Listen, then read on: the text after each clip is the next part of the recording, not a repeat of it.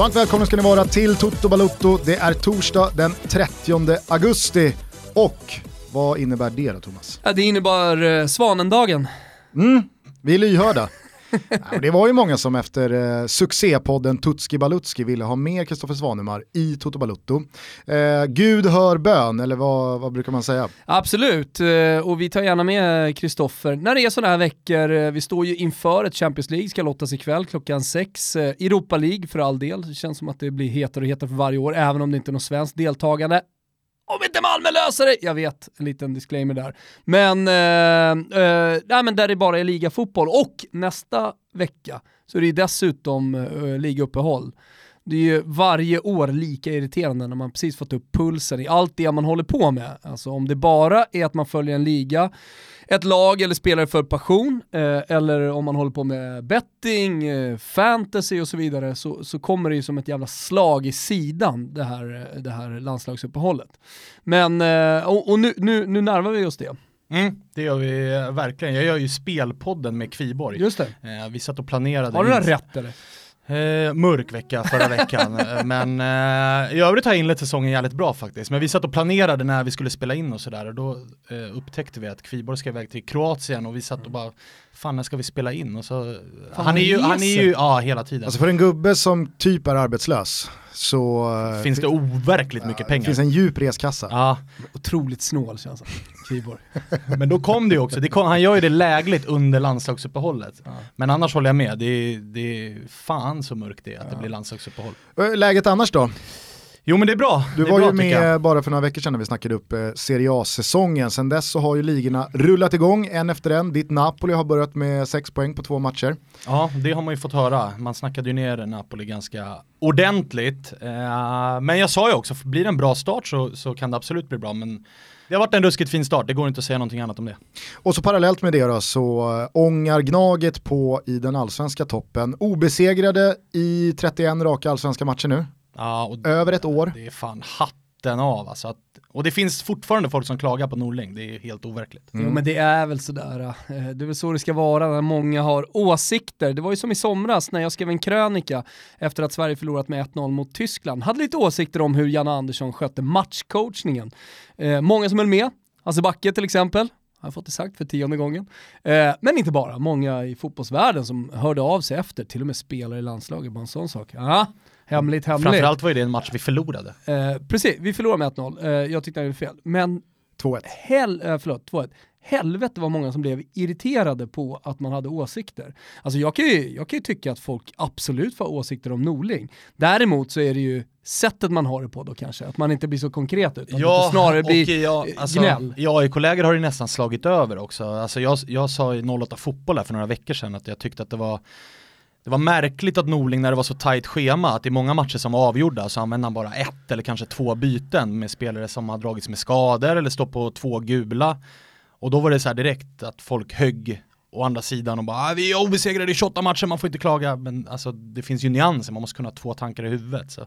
Ja, men jag, Men jag märk- 31 matcher utan och stormar mot guld, det, det går inte att säga någonting annat. än Storm och att storm, vi får se. Det är mycket kvar. Det slog mig häromdagen när jag kollade på spelschemat. Jag tänkte att jaha, nu är vi i september. Det borde väl börja liksom dra ihop sig mot slutskedet av, eh, av den här eh, allsvenska säsongen. Fan, det är hur mycket som helst att spela om. Eh, och dessutom så börjar det bli ganska tuffa matcher. Bayern har ju då Djurgården såklart till helgen, derbyt, AIK Häcken hemma, ett Häcken som är i superform. Det är klart det kommer börja tappas poäng. Eh, och, Ja, ja. Och, och så vidare. Men jag tänkte på det, när, no, just där du säger, eh, att Norling har mycket press på sig, det är många som tycker saker. Man brukar prata om eh, 10 miljoner förbundskaptener i Sverige inför eh, mästerskap och, och viktiga svenska, svenska matcher. Det, det gäller ju såklart också klubblagen. Och han, han fick frågan om det, liksom, trycket utifrån och så vidare. Och han, han kommenterade det som att eh, det är faktiskt ganska svårt ibland att ha en idé om filosofi hur man vill spela och sen hålla borta allt det där som kommer utifrån. Och, forts- och speciellt när det går lite tungt, att fortsätta tro på det. Jag vet inte om ni håller med mig, men jag vet att jag har pratat om det eh, tidigare under den här säsongen, framförallt då allsvenska säsongen, att det finns en ganska så ny strömning bland allsvenska supportrar där kravbilden är för mig i alla fall, helt skev. Alltså det är nästan som att supportrar till lag som AIK, Malmö, Djurgården, Norrköping till och med på senare år, Hammarby i och med den här säsongen och eh, segrarna som har varit, att varje match ska vinnas. Alltså minsta poängtapp är en flopp. Ja, ja, alltså... eh, och, och, och, det där, det, alltså det finns ju en sån inbyggd fara i ett sånt där förhållningssätt. För att om man ser på sitt lags allsvenska säsong och tänker att ja, vi ska ta 90 poäng, vi ska ta 30 segrar. Allt annat är liksom eh, underkänt om man då överdriver och inte bryter ner det till match för match. Eh, så, alltså, jag, jag, jag, förstår att AIK är där uppe nu i och med att man fortfarande är obesegrade. Man har en otrolig chans på både guld men också faktiskt att lyckas med det som väl ingen har gjort på hur länge som helst. Alltså gå obesegrade en hel säsong.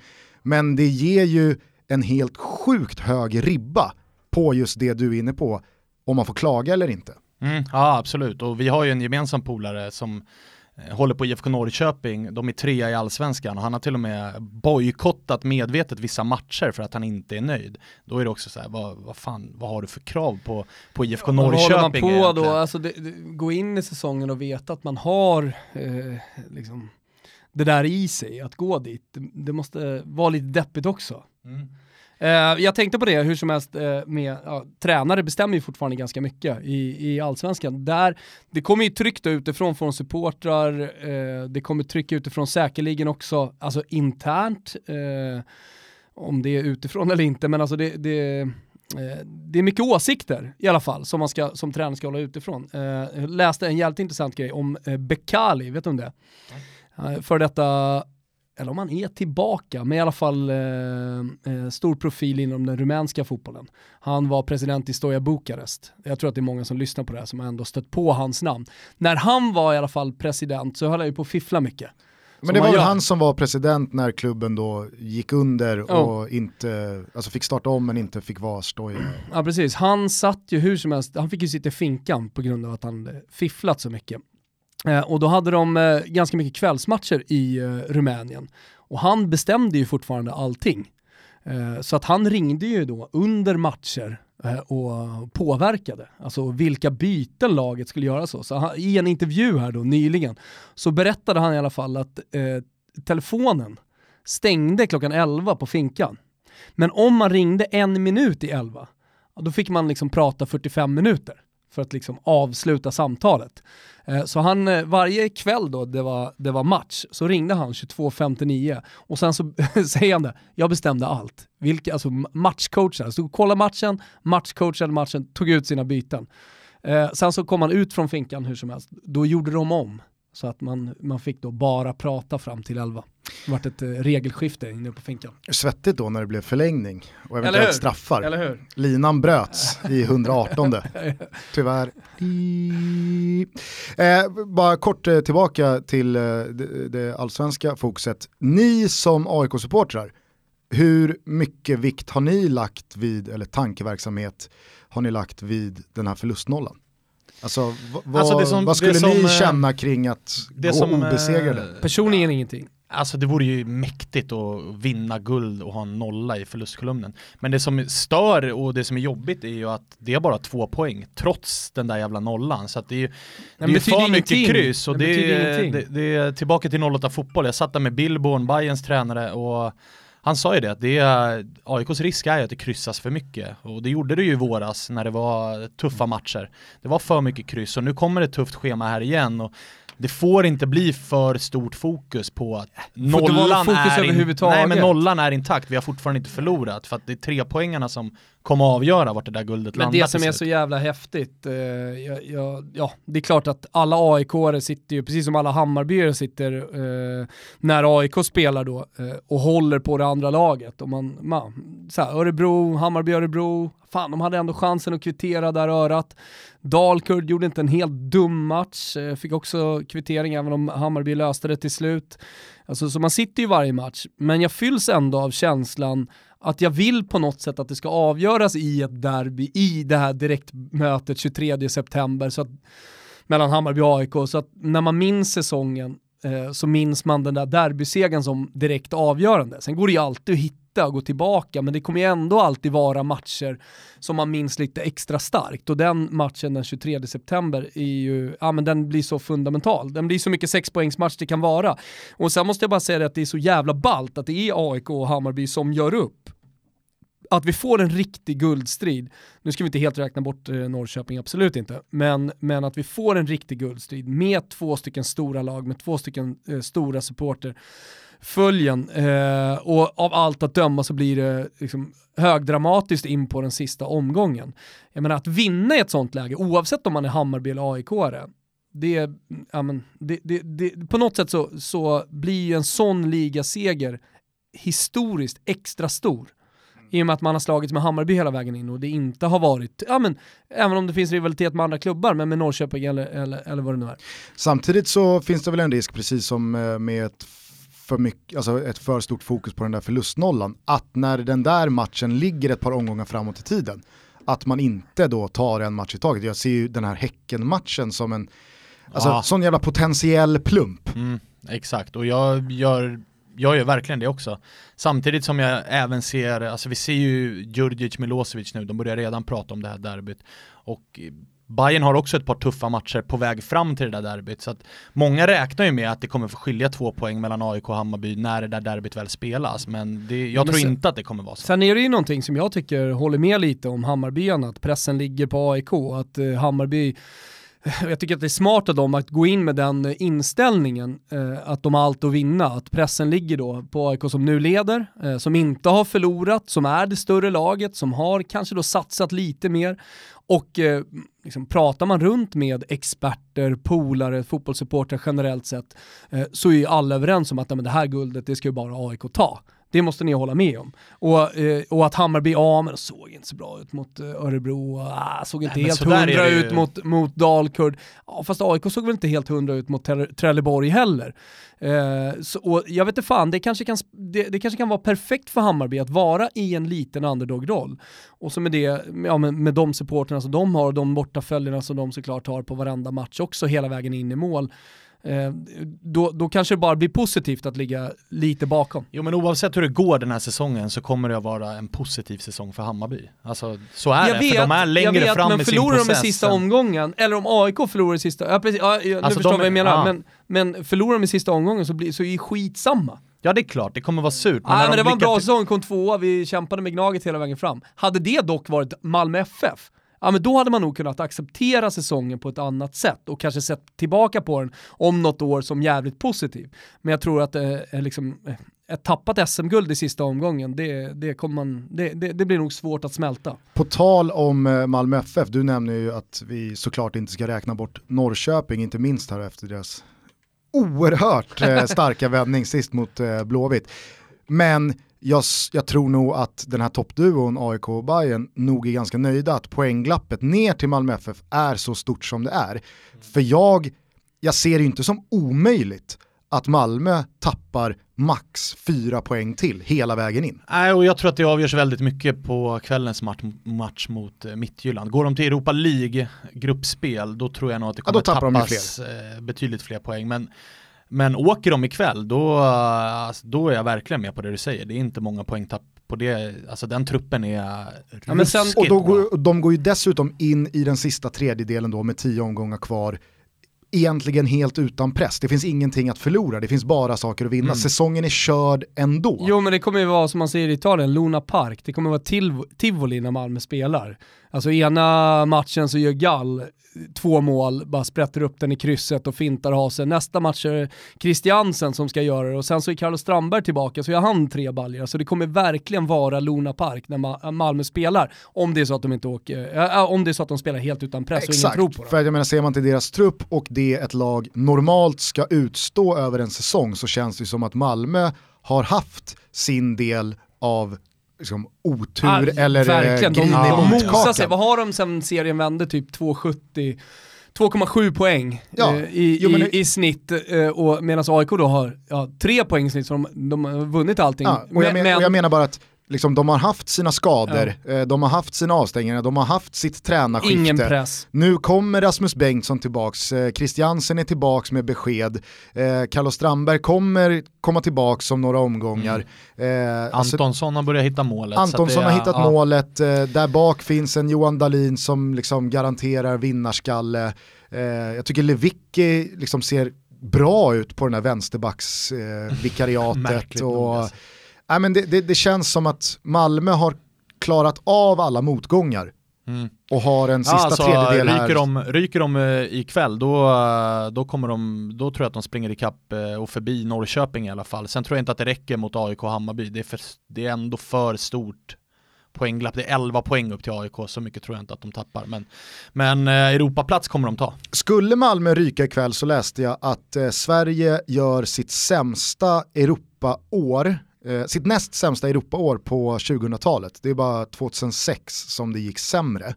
Eh, vad, vad drar ni för växlar av att de fyra svenska bidragen till eh, de europeiska kuppkvalen åker så tidigt som de gör. Jag tror inte man ska dra så stora växlar eh, som att säga att svensk fotboll till exempel är på, på väg ner.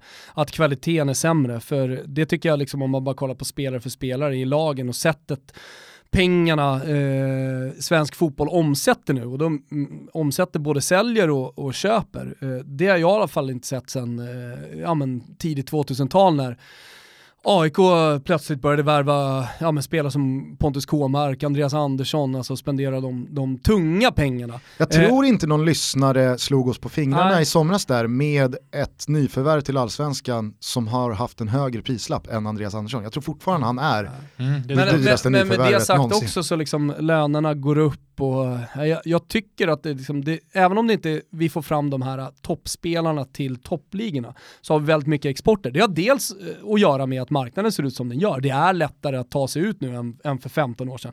Självklart. Men det kommer också in en jävla massa pengar när du helt plötsligt kan sälja till Kina Eh, till arabstaterna, fan till Rumänien till och med.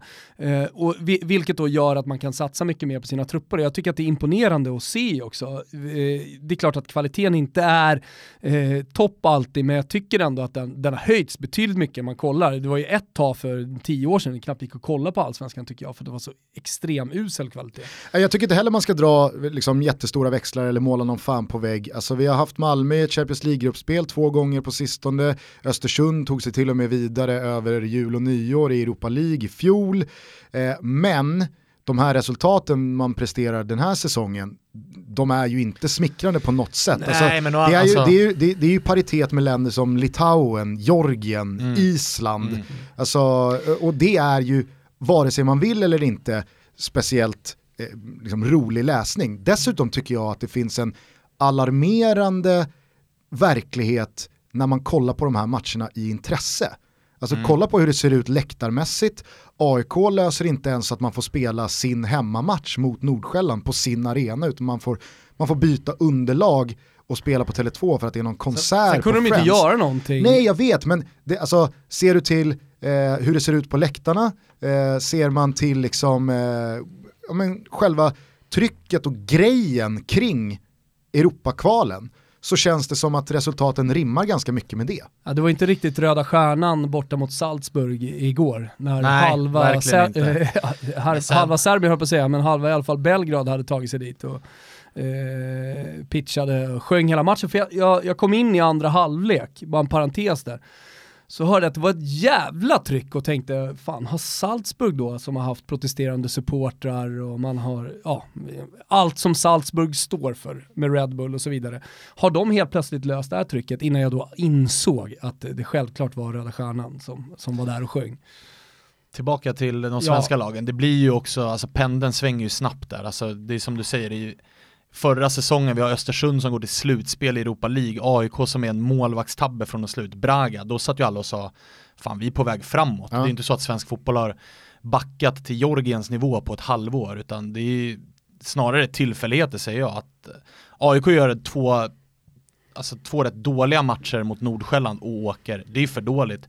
Malmö mot Viddi, det är också för dåligt, men sen så är men det... där kan man ju verkligen också prata om den här, jag vet inte om det är att man är bortskämd i Malmö, att när Champions League, eh, alltså mm. när, när, det dog, då var det helt plötsligt, jaha, okej, okay. ska man gå på den här matchen? Ja, ja, ja, ja alltså verkligen. Och sen är det, alltså kollar man på matcherna när de spelas också, det är lätt att sitta och säga att tre, de tre lagen i Europa League åkte direkt. Kollar man på matcherna så är det ju, alltså att Djurgården inte vinner mot eh, Mariupol på hemmaplan med stabila 3-4-1. Alltså det är ju för dåligt. AIK mot Nordsjälland, då ska jag tre mål på bortaplan, missa straffar och frilägen och så att när man brottar ner det till prestationerna så så nej, så dåliga som resultaten visar är vi egentligen inte, så att jag ser absolut inte någon sån negativ nej, trend för svensk fotboll, nej, det gör jag inte. Sen, sen, sen, tror jag att det här, så här kommer det se ut. Alltså, oavsett vad svensk fotboll och lagen gör så, så, är det tyvärr tufft att ta sig ut i Europa. Konkurrensen är stenhård. Möter vi ett danskt lag, ja det är ingen stor skillnad på, på dansk ligafotboll och svensk ligafotboll. Det kommer inte vara de tio år heller. Eh, vilket gör att det handlar om ett dubbelmöte och små marginaler. Man måste sätta sina frilägen som, som Svanemar säger. Eller sina straffar. Och, och, vissa år, ja men då kanske vi får in två eller till och med tre lag och så vissa år ser det ut så här. Det, jag, jag, tror inte, jag tror inte att vi kommer se någon förändring på det. Nej, på samma sätt som man kanske inte ska Eh, slå på den stora alarmklockan när det går emot Europamässigt en säsong så var vi också väldigt restriktiva med att tro att Sverige var ett annat fotbollsland än vad vi alltid har varit när man vann det där U21-guldet också. Då var det väldigt många som menade, jaha, okej, okay, nu är vi, vi, vi, herregud, nu är vi på toppnivå här. Mm. Ja, nej, det... Men det är någonting som avgörs på så, på så få matcher, på så kort tid, att det ska ju inte vara, det ska inte vara vare sig bu eller bä för hur Sverige mår som fotbollsland. Nej, och kollar du liksom Malmö, de förlorar ju inte mot, mot Viddi. Det är två kryss och alltså det, det, det är inte så att det är Men sen tror jag man måste lära sig också, det, det handlar dels om trupper och klubbar, alltså hur man lägger upp säsongen, men också tränare. Eh, man pratar väldigt ofta när man, eh, när man eh, ja, som vi gör oftast internationell toppfotboll om eh, Pep Guardiola som är bra på att rotera, Sarri som inte är bra på att rotera, eh, Ancelotti som är en vinnare och, så vidare. Alltså jag, jag, tror även de svenska tränarna har eh, ganska mycket att lära hur man ska hantera då säsongen för att komma till de här matcherna och vara 100% förberedda. Ja, och, och Gusten där, tror jag, om... där, där, tror jag att just tränaren kan lära sig mycket och klubbarna och spelarna, trupperna i sig. Liksom. Gusten pratade ju om att supporterna, att liksom, det inte var samma hype kring Europa League-mötena, men kollar man på lagen också, Malmö bytte ju tränare precis inför. Eh, AIK, där, det var ju de matcherna Norling faktiskt roterade, det var ju mot Nordsjälland, det var ju tydligt att fokus låg på allsvenskan, trots att schemat i allsvenskan bäddade för att det var kanske i Europa man skulle ställa upp det bästa laget. Istället så gjorde man tvärtom, så att även lagen i sig verkade inte ta det här Europa League-kvalet på så stort allvar. Djurgården ska vi inte ens prata om, de sålde ju sin bästa målskytt och värvade inget nytt, så de var inte ens förberedda för att spela i Europa League. Så Nej, samtidigt som jag också minns då vår gemensamma vän Jesper Hoffman, han satt ju här och sa att det är första gången jag är glad över en AIK-förlust. Mm. Att man åkte ur Europa League så att man kunde lägga full fokus på, på guldet också. Så det känns ju som att, jag vet inte, inställningen från egentligen alla håll till de här Europakvalmatcherna kanske behöver revideras för att Sverige mer kontinuerligt ska få in lag i de här turneringarna. Ja, verkligen. Hösten är här, det betyder att det är hög tid att gå in på stayhard.se och börja höstshoppa lite, eller hur Gusten? Ja, verkligen. Framförallt så råder vi ju då att använda rabattkoden TUTTO. Den ger er 20% på alla ordinarie priser. Men efter att ha egentligen bott på stayhard.se senaste veckorna så kan jag intyga att det är en hel del röda prislappar ändå. Mm. Så att eh, det är bra priser all around och som sagt, eh, när sommar blir höst så behöver man också eh, kitta upp sig i garderoben. Det går inte att köra shorts och linne här nu, som du har gjort hela sommaren. Nej, jag vet. Jag försöker liksom dra ut på det så länge som möjligt. Nej, men det finns ett eh, stort utbud, vi har sagt det tidigare, men jag säger igen, över 250 olika märken. Ni behöver inte gå ut och shoppa, utan det är så mycket mysigare. Ligga i soffan, äta sin köttgryta höll jag på att säga, eh, och eh, mysshoppa helt enkelt på stayhard.se. Kan väl också slå ett slag för eh, träningsgarderobsutbudet. Absolut. Det är säkert många som eh, tänker att nu ska jag komma igång. Mm. Nu ska jag komma i de här skjortorna och de här tröjorna och de här jeansen. Eh, då kan man ju eh, också inhandla ett par schyssta tights och ett par träningströjor så man kan svettas lite där ute också. Så här Gusten, det är street, det är dressat, det är grooming, det är training, Toto Balutto. In på stayhard.se, 20% använd koden TOTO. Ciao! Hur som helst, eh, Champions League-kvalet är avgjort och eh, det lottas alltså ikväll vilka grupper som eh, blir av hösten. Jag tänker att jag läser upp pott för pott så kan väl ni stanna till vid de lagen som ni ser som mardrömslotter för de andra och drömlotter för de andra. Mm, I den första potten så har vi regerande mästarna Real Madrid, Atletico Madrid, Barcelona, Bayern München, Manchester City, Juventus, PSG och Lokomotiv Moskva. Mm. Drömlott. Ja men det är alltid lite märkligt hur de här potterna, uh, hur... Ja men för de som sitter och för... rynkar på pannan här, vad, vad, vad, gör Lokomotiv Moskva i den här potten Thomas? Nej, uppenbarligen så har de gjort det bra i Europa och samlat på sig tillräckligt mycket poäng så att de kan hamna i potten. Jag kan inte minnas att jag har sett Lokomotiv Moskva speciellt långt fram i någon turnering Nej. senaste åren. Men, men det man kan säga i alla fall ifrån den här gruppen, det är ju att det är, jag tycker att det är tre lag som sticker ut. Eh, det är Juventus, Real Madrid och Barcelona. Och sen precis bakom så finns eh, City, PSG, Atletico och Bayern, alltså mer eller mindre ihop. De hamnar någon procent över eh, Juve, Real Madrid och Barcelona. Och det är egentligen bara, inte så att det, de har starkare trupper, utan på grund av erfarenhet, Europaerfarenheten. Alltså, min egen alltså, om jag går tillbaka och kollar vad, vilka har varit i final de senaste åren. Och ja, då ser det ut så här. Jag vet inte, alltså jag vet ju att du är militant emot den här hypen som har blivit kring Manchester City. I och med All or Nothing och lovsången som sjungs kring Pep Guardiola. Men, nej, men jag det... håller nog fan, alltså, jag, alltså Manchester City det är min vinnare i år. Ja, nej men det var många som sa förra säsongen också, så det, det, är väl inget konstigt att säga att City vinner, de är ju där. De är där tillsammans med de andra lagen. De har en trupp för att, för att lösa. De kan alltså. rotera bort hela ligan och ändå gå bra. Eh, och jag menar, det här ska avgöras någon gång i april. Då kommer Manchester City vara med. Frågan är, hur är läget då? Hur ser nyckelspelarna ut? Hur ser skadeläget ut? Eh, att Känslan sitta här nu och, och blicka framåt april, det är mer eller mindre onödigt. Vi har sagt flera år i rad, eh, och då menar jag inte vi, bara vi som sitter i den här studion, utan folk generellt sett som ser mycket fotboll, att Bayern München borde ta sig till en final och borde kanske vinna en final, med tanke på att de vinner ligan så lätt. Men eh, det har visat sig inte vara liksom, en sån avgörande faktor. Eh, utan jag tror att det snarare handlar om tränare, hur man lägger upp det för att få spänstiga ben i, i slutet. Och där är ju känslan att med tanke på vad City gjorde med Premier League förra året så kommer man vikta över det lite mer mot Champions League i år, för det är det han har slog ju alla rekord som gick i Premier League förra säsongen med City, så där har han liksom bevisat sin kvalitet. Nu gäller det att ta det ännu längre i Europa och där känns det som att de kommer vara tyngre i år. Samtidigt som Pep Guardiola post Barcelona har brottats kring just det där, framförallt under sin tid i Bayern München, där han har avgjort ligan i januari, februari och typ spelat reservlaget i ligan för att ha så pigga ben som möjligt i Champions League, men att han kanske då har fått betala priset för att hans bästa spelare inte mm. är i matchslag och att man går ner eh, fysiskt, eh, tempomässigt mm. och åker på den grejen. Så jag, jag, tror att han själv brottas lite med vad är egentligen den bästa vägen.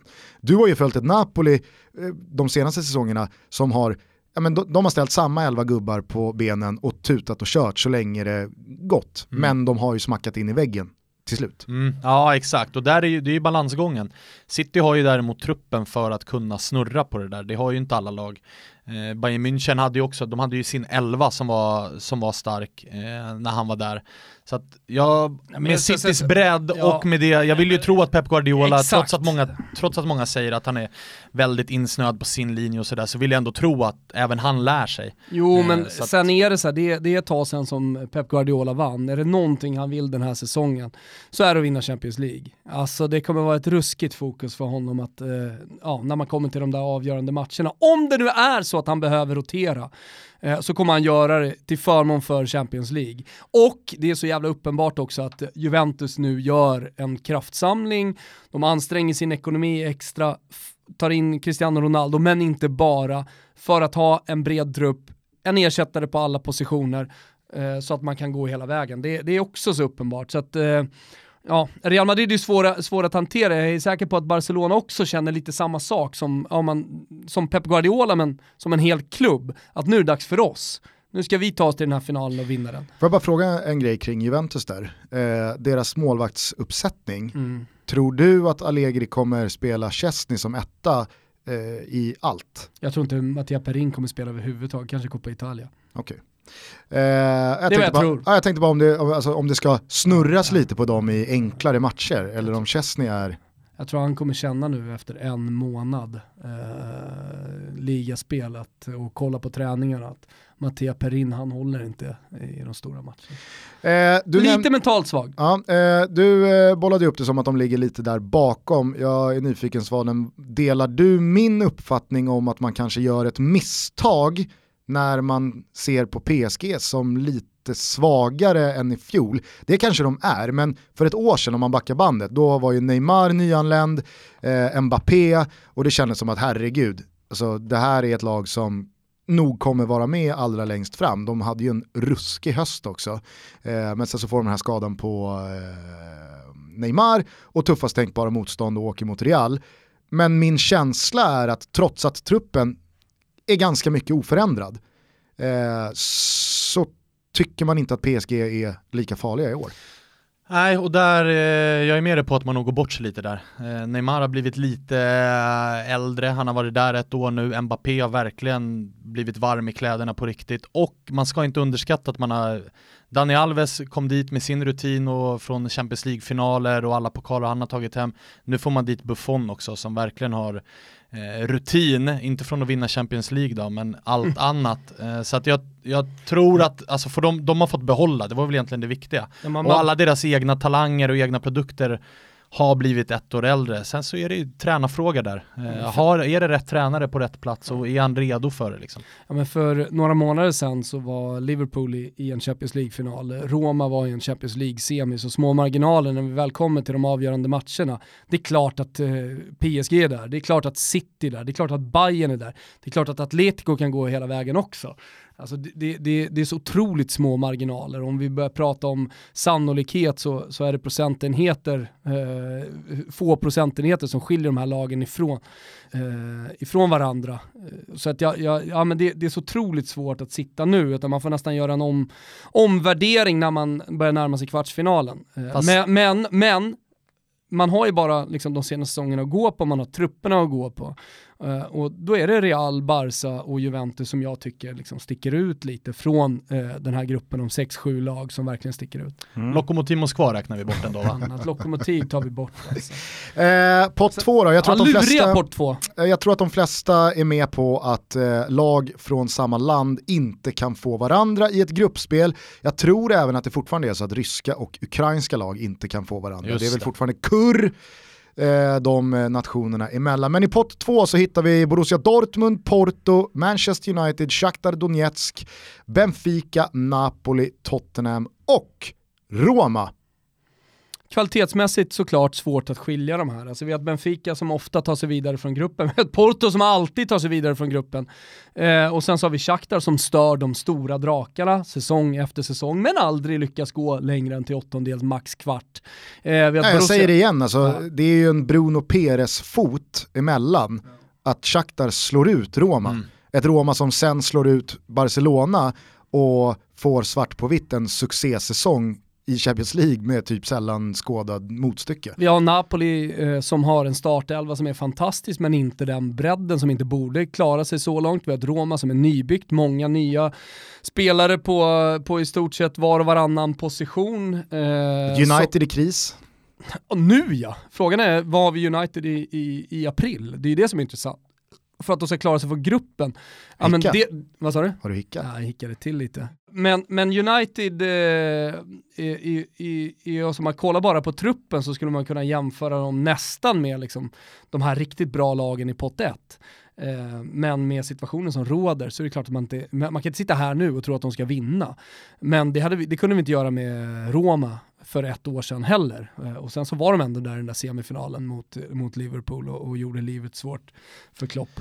Alltså problemet för United är att gruppspelet snart drar igång. Eh, Mourinho måste ju få ordning på det där om det ska bli något april-slutspel för dem. Att, ja, men så samtidigt det, det, så här, du, du, det beror ju på vilka man får i den här gruppen eh, och det är inte så här jättetufft motstånd. Och återigen då, om man bara får gå tillbaka, backa bandet lite i Champions League så är det favoriterna som går vidare med väldigt, väldigt få undantag.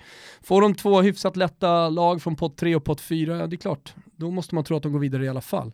Och då börjar vi prata om, ja, hur ser det ut i början på mars? Mm. En klubb som eh, mm, jag i alla fall har lite samma känslor som eh, med PSG kring är ju Borussia Dortmund. Sen var Pöler här eh, förra veckan och nyanserade den bilden lite att ja, men Borussia Dortmund går nog in i den här säsongen med en mycket bättre känsla och eh, ett mycket bättre välmående än vad man har haft de senare åren. Eh, jag minns bara i fjol, alltså, då tänkte man ju att oh, gruppen med Real Madrid, Tottenham och Borussia Dortmund, det blir ett jävla getingbo. Mm. Alltså, Dortmund hade ju inte någonting att sätta emot vare sig Real eller Tottenham. Eh, nu så känns det som att Dortmund har börjat om lite, man har fått in en del nya spännande spelare. Lucien Favre är ju kanske inte någon tränare som är jättefrekvent på den här nivån.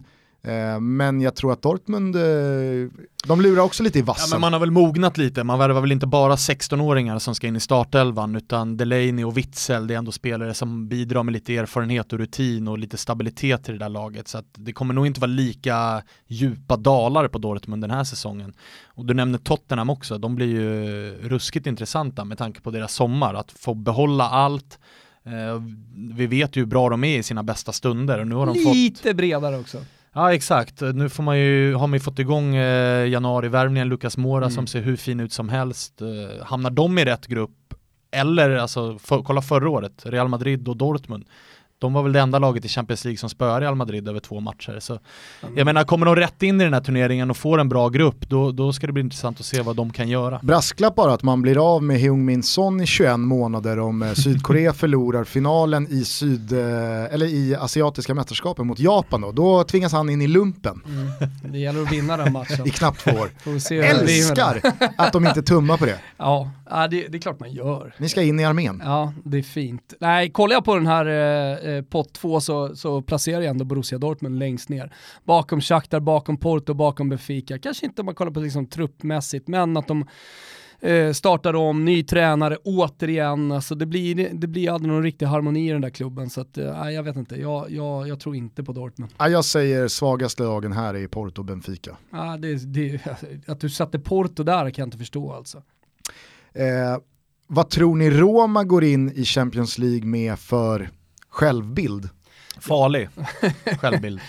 ja, frågan om vad de har för självbild nu för tiden. Alltså om, om man ska kolla på Ynal Emery som eh, någon slags eh, seger, eh, Europasegerorganisatör och eh, tränare som för då, ja, men, som man gjorde med Sevilla, lagen långt.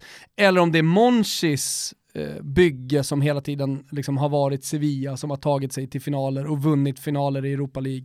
Eh, och som nu också då tog eh, Roma till eh, en, en jävligt fin semifinal. Det vet jag inte, men om det är så att Monchi bara är helt jävla fantastisk på kupperna och kan se till att eh, ge sina tränare så pass bra lag att de kan gå hela vägen. Och vad vet jag med ledarskap och Eh, ja, liksom lägga upp säsongen om man hjälper till på det sättet. Jag vet inte, men eh, då, då ska man tro på Roma i en kvartsfinal i alla fall. Men jag har svårt att se att de ska upprepa det. Mm. Ja, men det, är ju, det är just den där framgången från i våras som jag kan tänka mig kan vara en liten så här... Det är så jävla nytt Roma också, de är svåra ja. att... Eh... Det ska ju dock mycket till eh, att de får en tuffare grupp jag, än i fjol, alltså när man fick både Atletico Madrid och Chelsea, mm. men löser det med en gruppseger. Jag tror det var bra för Roma. Ja, jag tror jag det var nyckel till att man gick långt, att man fick ett självförtroende i Europa, tack vare att man grejade gruppen, att man tog sig hela vägen till slut. Mm. Men då man fick också slå ganska hela ordentligt. Hela vägen ser jag, men för, för Roma för så Roma. var det nästan som att... Men där var det också slå ur underläge, får man en grupp nu som är lite, som är lurig, men där man är ganska ganska solklart en av två favoriter att ta sig vidare och med då att man har den här semifinalen i bagaget så, så kan det bli så att man kliver in med lite hybris och lite så här, det här ja, löser som vi. vi var i semifinal också, i fjol. Ja, och som betraktare av eh, Europafotbollaren så har man ju inte direkt blivit bortskämd av italienska framgångar, Juventus undantaget. Alltså det har ju varit eh, många gånger man har trott på Lazio eller Fiorentina eller Roma, vad det nu har varit, men sen så har det gått åt helvete. Alltså det, det fanns ju en anledning till att Tyskland passerade Italien Eh, i den här eh, tabellen och hade fler Champions League-lag och, och, allt det där. Men eh, ja, det, det, går inte att säga bara för att Roma kom till en semifinal och eh, Juventus har gjort det bra de senaste åren att de, de italienska lagen är på väg tillbaka i Europa, utan eh, de måste visa lite mer under en lite längre tid för att man ska tro på det. Pott 3 innehåller Schalke, Lyon, Monaco, Ajax, CSKA Moskva, eller Ceska som har blivit så jävla poppis att säga. Eh, PSV Eindhoven, Valencia och fjolårsfinalisten Liverpool. Och det är väl Liverpool som sticker ut där, annars är det ju en, rätt det är en vettig pott tre. Det är ju lag som egentligen kanske ska sikta på att gå långt i ett Europa League-slutspel, förutom Liverpool. Eh, vad de gör i den här pott tre kan man ju faktiskt undra. Eh, Slå hårt på det ah, historiska. Det är, en, det är ju en sån nitlott för lagen i pott 1 och 2 att få dra... Och allting avgjordes i den sista Mm. eh, Champions League-kvalmatchen då. Eh, det var något lag som åkte ut som gjorde att Liverpool hamnade i pott 3. De skiter nog lite i skulle jag tro. De hamnar vad fan de hamnar, Klopp bara kör. Ja men jag tror dessutom att... Klopps Liverpool... grej det är bara köra. Ja, ja, och jag tror verkligen att Liverpool som lag själva känner att vi är ganska bra mot tufft motstånd. Sen är Liverpool ett sånt jävla lag med flax, de kommer ju få Lokomotiv Moskva och Porto. Och Jo men alltså såhär, ni minns ändå. väl Liverpools eh, Champions League-gruppspel förra säsongen? Mm. Alltså de löser avancemang i sista rundan och då hade de inte någon speciellt tuff grupp. Eh, nu, alltså, och, och, och sen så lägger de eh, de riktigt stora bjässarna på rygg i slutspelet för att de kanske passar bättre i sådana matcher snarare att de ska föra spelet hemma på Anfield mot ett, eh, inte fan jag, klubbrygge Ja, som det har, bara vi ju sett backar nu, hem. det har vi sett nu i inledningen av Premier League också. West Ham kommer och bjuder upp, då blir det slakt och sen så kommer Brighton och Crystal Palace parkera bussar och det blir två eh, knappa vinster. Så att det passar dem bra att få, få, få möta lag som bjuder upp till match, alltså, Men för då sen- får de ytorna. Sen är det lite sådär också, alltså om man jämför pott 2 och 3 så är det inte jättestor kvalitetsskillnad. Det är svårt att liksom dra isär de här lagen. Eh, Liverpool kontra Tottenham om vi bara tar från eh, samma liga, ja men där, är- där borde ju Liverpool starta som lite större favorit. Alltså de kommer ha lägre odds eh, för att vinna hela skiten än vad Tottenham har.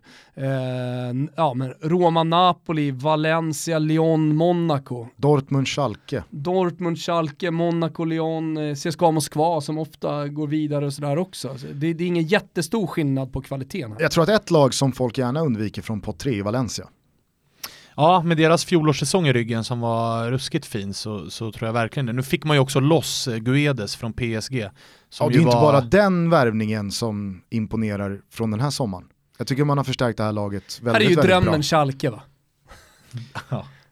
Ja, det kan jag absolut Många tittar på PSV och tänker, ja men drömmen är holländarna. Men det är det inte. Det är Schalke.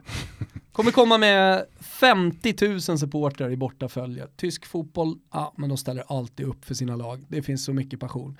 Men spela fotboll, ja där har tyskarna tappat. Sen är det ju någonting, och det måste jag säga, alltså, det är väl därför eh, man eh, pratar om ett lag som Shakhtar Donetsk med den respekten man gör, och jag tycker det spiller över även på CSKA Moskva. Att de där jävla bortaresorna, alltså de bortamatcherna för många lag, när det är november, början av december, att åka till Ukraina eller till Ryssland, det är inte, det är inte att föredra. Nej det är inte roligt, det är absolut inte roligt. Sen får vi se nu vad man har, alltså jag kan inte påstå att jag kan eh, Shakhtars startelva, men det man vet är att de har ju tappat två ruskiga nyckelspelare i Bernard till eh, Everton va, och så eh, Fred, Fjedge till eh, Man United. Och? Så, vem är den tredje? Vem har landat på Sardinien? Där, Ah, Dario Serna. Serna. Precis. Var väl avstängd hela förra säsongen typ, eller halva förra säsongen. Men man hoppas ju på att få se Pjatov en säsong till Ah. längst bak. Uff. Tvåla in någon. Uff. Ja men de har väl säkerligen hämtat 4-5 nya brassar som är lika bra så att det är väl fortfarande en mardröms eh, bortamatch. Pott 4 då, Victoria Pilsen, Klubb Brygge, Galatasaray, Young Boys, Hoffenheim, Cervena Zvezda, eller Röda Stjärnan som nog många känner dem som, AIK Aten och Inter. Ja, här har du, du pratade om Chaska Moskva. Eh, som kommentatorerna älskar att säga. Eh, det, det har ju blivit lite hipster i hur man ska uttala vissa saker. Det finns ju ingenting i fotbollsvärlden som är så mycket hipster som de som slänger sig med Srevena Vesta. Alltså de som inte ens eh, liksom väljer att säga Röda Stjärnan. Svenskar som inte väljer att säga det. Jag, jag köper ju liksom att Bojan Djordjic eh, använder sitt eh, serbiska. Men, eh, men svenskar som gör det, det, det är väl typ bara Lennart Jägerskiöld Nilsson, eh, några till, som kör det uttalet. Eh, här är det tydligt tre lag som jag tycker är riktiga såna här eh, ja, skitlag som bara ska spöas. Det är Klubb Brygge, eller Brysch, som man säger, Young Boys och AIK Aten. Mm -hmm. Du lägger inte in eh, Victoria Nej, Nej men de har, de har samlat på sig ganska mycket Europa-erfarenhet och man har kollat på dem de senaste säsongerna så är de stabila. Eh, så att eh, ja, det finns någonting där som jag tycker är betydligt mer stabilt än i de lagen. Och så Galatasaray, självklart inget kul att möta Hoffenheim. Ja, Jobbar man ändå kvalitet. inte lite att Hoffenheim-bubblan spricker? Men har den inte spruckit lite redan då? Ja, du nämner dem ju inte här som eh, ja, men de är inga, ett av de svagare lagen. Jag kan inte jämföra dem med Young Boys. Nej, det är fortfarande men... ett bättre lag på pappret och om vi nu sitter här nu och spekulerar inför säsongen så måste man ju hålla Hoffenheim högre. Sen kan man ju sitta och hoppas på att uh, Hoffenheim går åt helvete. Men, men här har vi ju ganska stor kvalitet. Ärlig mot våra lyssnare. Och, och, alltså jämför du de skräpgängen och så har du Inter och Galatasaray som två ganska tydliga mardrömslotter. Herregud. Det är rätt stor kvalitetsskillnad mellan de sämsta lagen i pott 4 och de bästa lagen skulle, i pott 4. Jag skulle nästan sätta Hoffenheim där också eh, bland dem. Oj. Uh, här finns det ju en del uh, liksom, uh, bortamatcher för lag som kommer att beskrivas som uh, kokande kittlar. Galatasaray är ju själva moden av oh. det som åker till en gryta. Ja, så har du mosten. Ja, Röda alltså, Stjärnan. Röda Stjärnan. Så många gånger man kommer matas av deras nedgångna Eh, spelartunnel. Man kommer få se den, den här, den här linan som har satt på sig en GoPro och gått den ja. tunneln. Den videon kommer snurra varje hemmamatch. Vänta, ska vi se här. Jag fick det här meddelandet, vänta. Uh, uh. Jag fick det här meddelandet av Bojan i morse. Hämta Ronaldo och Messi. Låt dem få uppleva tunneln i Belgrad. det är så jävla skolboken. Ja. Det är så väntat. Den där, alltså så här, det finns ju jag skulle säga att ration ligger på, det är en av 20 spelare som påverkas av den där tunneln. Annars är det bara en... Inte ens alltså. det, är bara, det är bara en tunnel ut på en plan. Mm. Mot ett ganska dassigt motstånd. Ja. Men Aika är ju lite lilla syrra där också. Va? Ja, fast eh, nu får de som följer den grekiska fotbollen eh, nära eh, rätta mig om jag har fel. Men jag tror att det fortfarande är så att AIK spelar sina hemmamatcher på den gamla Olympiastadion som eh, byggdes eh, till EM, eh, e eller OS 04. Och den är, alltså det, är lite, det blir lite AIK på Friends. Den är för stor. Det är en mäktig supporterskara och det är en tuff bortamatch, men det blir inget skräckinjagande när 20 000 står på en arena som sväljer 50. Ah, okay. Precis. Ja, men okej, då har ni potterna klara för er. Lottningen sker alltså ikväll och strax efter så avgörs eh, den sista Europa League-kvalomgången där då Malmö FF kan ta sig in i gruppspelet om man löser avancemang mot Mittjylland. Vill du ha en vinnare eller? Jag tycker att det är direkt oprofessionellt att eh, börja prata vinnare innan grupper ens är satta. Eh, jo, fan innan vi släpper, Inter bara. Hur tror ni de ser men, på... Vad, är, vad, är, vad, är, det för skillnad om grupperna är satta eller inte? Det är, väl klart du kan sätta en vinnare nu. Nej, alltså...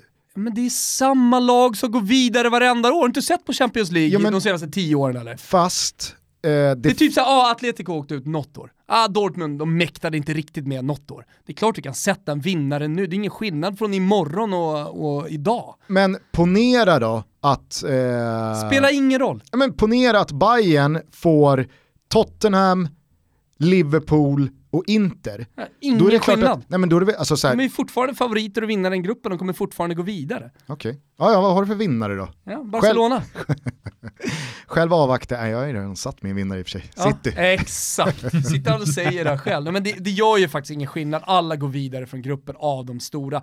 Om man nu ska plocka en av sex, sju lag, så gör det ingen skillnad vilka grupper de får. Okay. Eh, vi kan i alla fall avvakta gruppernas eh, utformning innan vi pratar eventuella floppar. Då. Det kan du hålla med om. Eh, vad säger ni bara om Inter kort? De är ju tillbaka i Champions League här för första gången sen typ de vann. Ja vad fan säger man alltså, om det Inter? går inte. Det går Vi satt ju och snackade Herregud. upp eh, Serie A Jag säger fan inte ett ord om Inter. Exakt, det, äh, men det är ingen idé längre ju. Jag är med dig. Vi satt ju och sa det här är Juventus största utmanare och har ju börjat med dubbelflopp. Ja, nej, men Thomas satt ju här, eh, fan kanske Kimpa ska lägga in, alltså. Kimpa kanske ska lägga in här hur det lät när du motiverade Inter i din långtidare borta hos eh, Betsson. För du sa ju det, jag har, hur många år är det du har minus på Inter? Nej, det är många. Alltså. Sen 2010, åtta Och nu, år. och nu skulle du vända. Ja.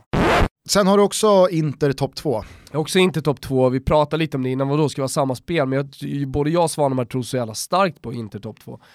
Eh, och att de kommer vara med och, och, och utmana eh, Juventus långt. Du har ju lovat dig själv så många gånger att inte långtidsspela på Inter. Ja men så satte jag ändå, vart det ändå någon slags eh, brytning eh, på den här förbannelsen som har legat över mina interspel förra säsongen när man eh, sista tio löser ändå fjärdeplatsen och, och vad hade jag i odds på min långtidare då? Ganska högt, 12 eller något. Ja, 10-12. Ja, 10-12. Eh, och, och, nej men så, så nej inte, inte, inte, jag tar dem ett steg till, då var det topp fyra, nu tar jag dem till, till topp två.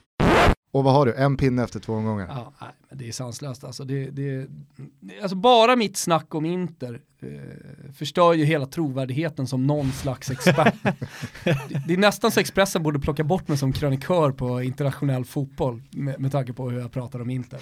Jag har noll susning om vad fan som händer med Inter den här säsongen. Om de frågar mig, inte en aning. Inte en sportjanne. Ah, Okej, eh, tror ni Spalletti kommer foka på CL kontra en tuff ligamatch då? Alltså, Alltså, jag- hur, hur ser... Nej, alltså, Gruppspelet är gruppspelet, beror på vilka de får. Men sen... eh, sen Varför svarar du sådär? Du vet vad du ska säga. Ja. Ja, jag har ingen aning. ja just det. Sorry. Sorry. Alltså är, är Spalletti kvar när gruppspelet börjar? Alltså man vet, man vet ingenting längre med Inter. Nej, okej. Skit i Inter! Igår onsdag tog eh, Janne ut sin första trupp eh, till eh, Nations League här. Fegis. Ja, det blev det fega valet, det måste man ju säga. En 25-manna-trupp istället för att då markera att nej, de här två faller bort. Istället eh, adderar han eh, två gubbar eh, från 23 till 25. Ken Sema, Sam Larsson och Robin Quaison in, Ola Toivonen ut, men då på eget beslut. Mm, kul med Quaison. Det var väl dags att han fick chansen. Ja, ser han du har som aik varit, Ja men han har, ju- och han har ju ändå gjort det bra ute i Europa och är ordinarie och har inlett säsongen positivt så det är bra. Sen är det ju många som, alltså med AIK-ögon, någon skrev till mig, Sebastian Larsson före Kristoffer Olsson. Alltså det är två olika spelare, det beror ju på vad du vill ha för någonting. Vill Det är ha- framförallt alltså, två helt olika hierarkiska alltså, statuspositioner i ett landslag. Verkligen. Kristoffer Wem mot 104 Men, landskamper. men, Ja, ja, men det alla jublar över idag det är ju att Ken Sema, som borde enligt 99% av Sveriges befolkning ha varit med i landslaget under VM, eh, nu ändå får chansen och om man kollar på de här tre spelarna som kommer in så är det ju han som är närmst en plats i, ja, men, i- det är speltid. Hur eh, tog eh, ordföranden i Marcus Rodén-lobbyn eh, det här? Vad? Att Ken Sema är tillbaks och sådär. Ja. Du är ju en av få som har slagits för Rodén. Nej, men vet du vad jag har gjort? Jag har slagits för honom i vissa typer av matcher. Eh, till exempel som i den här matchen mot Tyska, Tyskland så slogs jag för honom efter. Varför ska han vara med i en svensk landslagstrupp i ett VM när man ändå inte använder honom i precis det läget där han är perfekt, alltså när det ska försvaras eh, och där, vi vet att vi kommer sättas för stor press på kanterna. Det, det var ju det, det var därför jag tog liksom fanan för honom under VM. Eh, och det var också därför jag ville ha med honom i VM. Eh, när truppen togs ut så förstod jag hur Janne tänkte, tills den här Tysklandsmatchen kom. Mm. Eh, för, för då såg man ju framför sig bara, ja, Rodén-läge, det var ju en no-brainer att sätta in honom. Men sen tog han inte ens in honom, men då hade han ju lika gärna kunnat tagit med Ken Sema. Om det nu var så han hade tänkt att liksom, ändå göra sina byten. Mm. Eh, jag reagerade faktiskt igår på att eh, truppen då officiellt togs ut med fem anfallare, men där ibland fanns då Viktor Claesson och Quaison uppskrivna som anfallare. Och det som verkligen sticker ut är ju Jannes ord då att är Ola Toivonen eh, är inte med längre och det finns ingen liksom direkt klockren anfallsersättare i truppen utan det är ja, vad man nu vill beskriva Claesson och Quaison som, jag gör det i alla fall inte som renodlade anfallare. Men att han då säger att det är ingen som är speciellt nära. Det är ändå Nej. anmärkningsvärt att han säger så. Ja, det är det ju, för det, det finns ju inte den spelartypen att ersätta med. Alltså, Quaison, har ju, Quaison spelar ju falsk nia liksom, eller släpande eller, och Claesson har ju verkligen Han är nära varit, mål i Mainz. Ja, och Claesson har ju varit mer yttermittfältare men är ganska offensiv så att det blir någon liksom hybrid ersättning till Toivonen. Man men vet det ju att- naturliga är ju att Kiese går in och, och tar Ja. platsen. Så. Man vet ju att mm, liksom, Mikael Ishak här, han har ju suttit i ett par dagar och laddat för att luren ska plinga Mm. till. Inte bara är den tyst, utan han får dessutom höra det där igen. Det är Men ingen all- som är speciellt nära. All, är all- hård alltså. Alla som säger Röda Stjärnan på serbiska vill ju också ha in Mikael Ishak i landslaget. Ja, absolut. Mm. Det, det finns en Nej, rät linje mellan de två här. grupperingarna. Eh, men eh, vilka, alltså, ser ni någon förändring i en startelva eller ska man avvakta Österrike-matchen innan det är skarpt läge mot Nej, jag, jag, som, jag, som jag ser det så är det väl kanske en diskussion om eh, mittbackspositionen beroende på vilken form Andreas Granqvist är i. Nu vet jag att han eh, liksom spelar matcherna med Helsingborg och att han har varit bra där, men det återstår väl att se för att jag tror att Janne ändå kommer kolla på träningarna och, och han, om någon, vet väl om Granqvist är i perfekt eh, slag för att spela de här matcherna, men som du var inne på också Gusten tidigare, Eh, tar man med Andreas Granqvist så är även han väl som kapten tänkt att spela också. Eh, och, men eh, sen är det högerkanten precis som det var under eh, eh, VM. Där är det ganska öppet, eh, men centralpositionerna och även i anfallet så tror jag att det, det är ganska skrivet i sten att det är Kiese går in och direkt ersätter Ola Toivonen bredvid Marcus Berg och att Sebastian Larsson och Albin Ekdal Ja, men är- samma- är helt givna. Och samma, exakt, samma som du säger om Granqvist, tar man med honom tar man ju med honom för att spela. Detsamma gäller ju för Seb Larsson. Tar man med honom då är han inte där för att, Om för att sitta inte på Janne bänken. inser nu, fan han har tappat 6-7% som en vecka kommer eh, en presskonferens tillsammans med Granqvist där han då eh, blir vald in i ledarstaben istället. Jag måste bara eh, Som dela någon ut, slags här spelande, assisterande tränare, men han, han kommer inte spela speciellt mycket. jag måste dela ut en schnitzel här till Ola Toivonen. Som tajmar sitt landslagsavsked optimalt och när man inte trodde att det kunde bli bättre så kommer det även uppgifter om att han eh, har brutit kontraktet med Toulouse och nu drar till guldkusten Ja, i det- Australien och kör Melbourne. Ja men där har du ju ytterligare ett mallbeslut Ja, såklart. så jävla mallen. Nej, nej men du kan göra vad du vill. Du har en massa miljoner på ditt konto efter att ha spelat i Europa eh, under flera säsonger. Så du kan ju välja då att tjäna extra mycket pengar för att kräma ut det eller då leva gott de sista åren. Och jag är helt säker på, utan att ha hört någonting från Ola Toivonen, att det finns en dröm att åka till Australien. Så att han har ju bara valt det. Mm. Livet i Australien, jag förstår honom. Jag som ändå har kuskat runt, runt på den här guldkusten ett par gånger. Jag förstår honom. Du Känslan, vet, det är Barbie ju med att, polarna efter lite surfing på morgonen. Det är sånt jävla slappt liv Känslan är Australien. ju att familjen har fått vara med och bestämma här också. Det var ju inte, det buades ju inte när kontraktsförslaget från Australien kom fram på Ja, bordet. men du vet, eh, i Australien om du jobbar på kontor, då går du ju ner på lunchen och surfar. Och sen så glider du upp på kontoret sen igen. Men du gjorde, Det, väl, det, får ju, det gör ju någonting med en människa att leva ett sånt liv. du gjorde väl ändå en säsong som Gigolo där? Jo, absolut. Eh, men det, jag, jag, jag umgicks ju med... ett hårt, Fick det du surfa på lunchen hårt också? kneg. Nej men jag surfade ju med bankmän och jurister och säljare, vad det nu var, folk som jobbade på kontor, surfade jag ju med på lunchen och käkade Barbies med på, på kvällarna. Det spelar ingen roll liksom, vad man jobbade med, vad man gjorde, alla var någonstans i grunden surfare. Men det var verkstaden nattetid. Det var verkstad nattetid. För fan. Det var bara På tal bara om, förtjäna eh, sitt jävla levebröd så man eh, kunde åka till Fidjiöarna sen och dyka. på tal bara om eh, Sebastian Larsson och att han då är A-landslagsman men numera då tillhörande AIK. Vet ni senast eh, AIK hade en, en A-landslagsspelare med? Spontant eh, Andreas Andersson. Mm. Nej, det har ni fel. Det var ju den finaste stunden kanske i modern det svensk fotbollshistoria. Nej. Nej, det var ju när Nisse ringdes in från Just det. Ibiza. Just det. Ett jävla det. magiskt ögonblick Ah. i svensk fotbollshistoria. Hamrén ringer, Nisse är på pickalurven. Jag pratade om det här med honom i uh, juni här, vi jobbade ju en hel del under VM. Och så bara bad jag honom berätta, minnas tillbaks hur det var. Han satt ju liksom många enheter in på en middag med sin fru på Ibiza. Och så ringer telefonen, något nummer han inte känner igen, svarar. Ja, det är Hamrén, han tror att det är någon som liksom kan imitera Hamrén bra. Men inser att ja, det är skarpt läge. Åh, ska nästan ha avsnittsbild när han kommer där i trekvartsbrallor. Semesterplufsig. Han var ju aldrig riktigt deffad heller. Ja, men det är så roligt för han säger då, jag tror att det var eh, den här eh, Österrike borta va? Mm, det kan det nog ha varit. På Ernst Happel stadion. Eh, då så, för att svettas ut alkoholen så satte, satte han ju sig direkt på cykeln eh, i hotellets gym och körde 30 hårda minuter på högväxel för att bara svettas ur. dra ur alkoholen. ah, fy fan vad fint.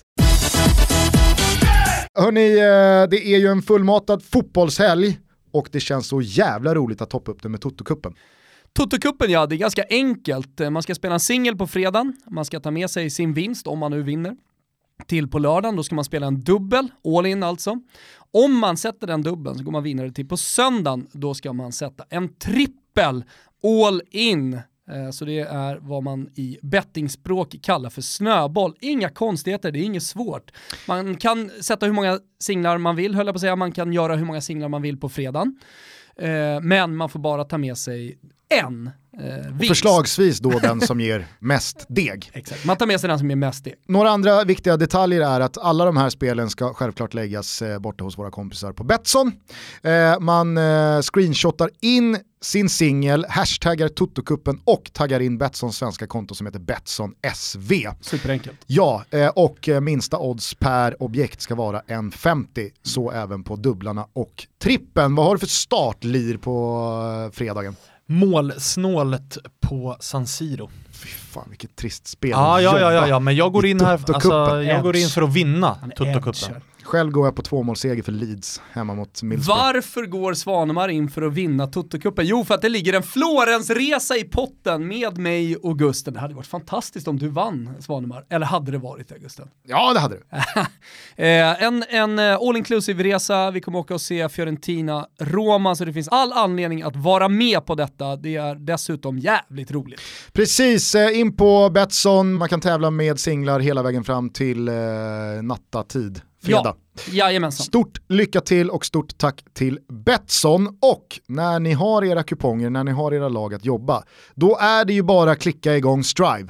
För att följa den italienska fotbollen och den spanska fotbollen. Ja men som Svanemar säger, vi har en riktig toppmatch här äh, mellan äh, Milan och Roma på, redan på fredagen. Ja, och en trippel, uh, trippelmacka i Spanien på fredag kväll. Ja, Fint. dessutom. Som Svanemar säger, La Liga, och Serie A. Man får precis alla matcher i Spanien och i Italien för ynka 79 kronor i månaden. Man laddar ner appen eller man går in på strivesport.com och så signar man upp. Eller en 500 för hela säsongen. Så är det. Det bränner till en gång och sen så har man då två gånger 380 ligamatcher. På söndag är det ju dessutom Betis-Sevilla. Mm. Sevilla-derby. Ja, och Betis är ju ett lag som som vi har lite tagit till våra hjärtan inför den här säsongen efter att Pinitaro var här och pratade upp dem. Sen fick de 0-3 i Tjollan. Ja men det, det gör nästan att man älskar dem ännu mer. Ja. På något sätt. Eh, strivesport.com mm. är det som gäller. Det är det. Eh, vi eh, följer eh, såklart La Liga och Serie A den här helgen men även eh, all annan fotboll. Stort lycka till mot Häcken, hörni. Mm, det kan Knagare vi behöva. där ute. Det kan vi behöva. ja, äh, men absolut. Och sen så är det ju stort derby i Stockholm. Vi lär prata om det på måndag, för det är ett derby som Djurgårdarna absolut inte vill förlora. Sen är det landslagsuppehåll och då hoppas vi eh, kunna få in minst en uh, gul och gulo-profil i studion. Mm, Kanske ju, rent av Sam Larsson. Ja, jag vet inte vem som kommer högst upp på den här listan. Alltså, jag vill ha in Ponne. Ja, men Ponne lär nog forcera dörren själv. Ja, om det snackas om att någon annan ska in. Så mm. att, uh, det här är, en liten, här är en liten sån här omvänd psykologi. Man mm. flörtar med en annan för att Ponne ska bli riktigt sugen på att äntra studion. Uh, sen så nästa torsdag, då kommer uh, Ola Lidmark Eriksson hit, Fantomen. Jajamän. Jag vet att du räknar ner dagarna. Ja, jag räknar ner dagarna. Det är en guru på allt vad som har med statistik inom fotboll att göra. Han gör fotbollslabbet tillsammans med Gusten och jag fullständigt älskar honom. Det har varit ett önskemål här nu i flera månader från mig att få honom till Toto-studio. Jag tror också att ni lyssnare kommer att älska honom. Fotbollslabbet som för övrigt har premiär imorgon fredag. Vi inte. Kika gärna på det. Tack eh, Svanemar för att du gästade oss. Tack själva. Vi hörs snart igen. Det gör vi. Ciao tutti. Ciao tutti. Ciao.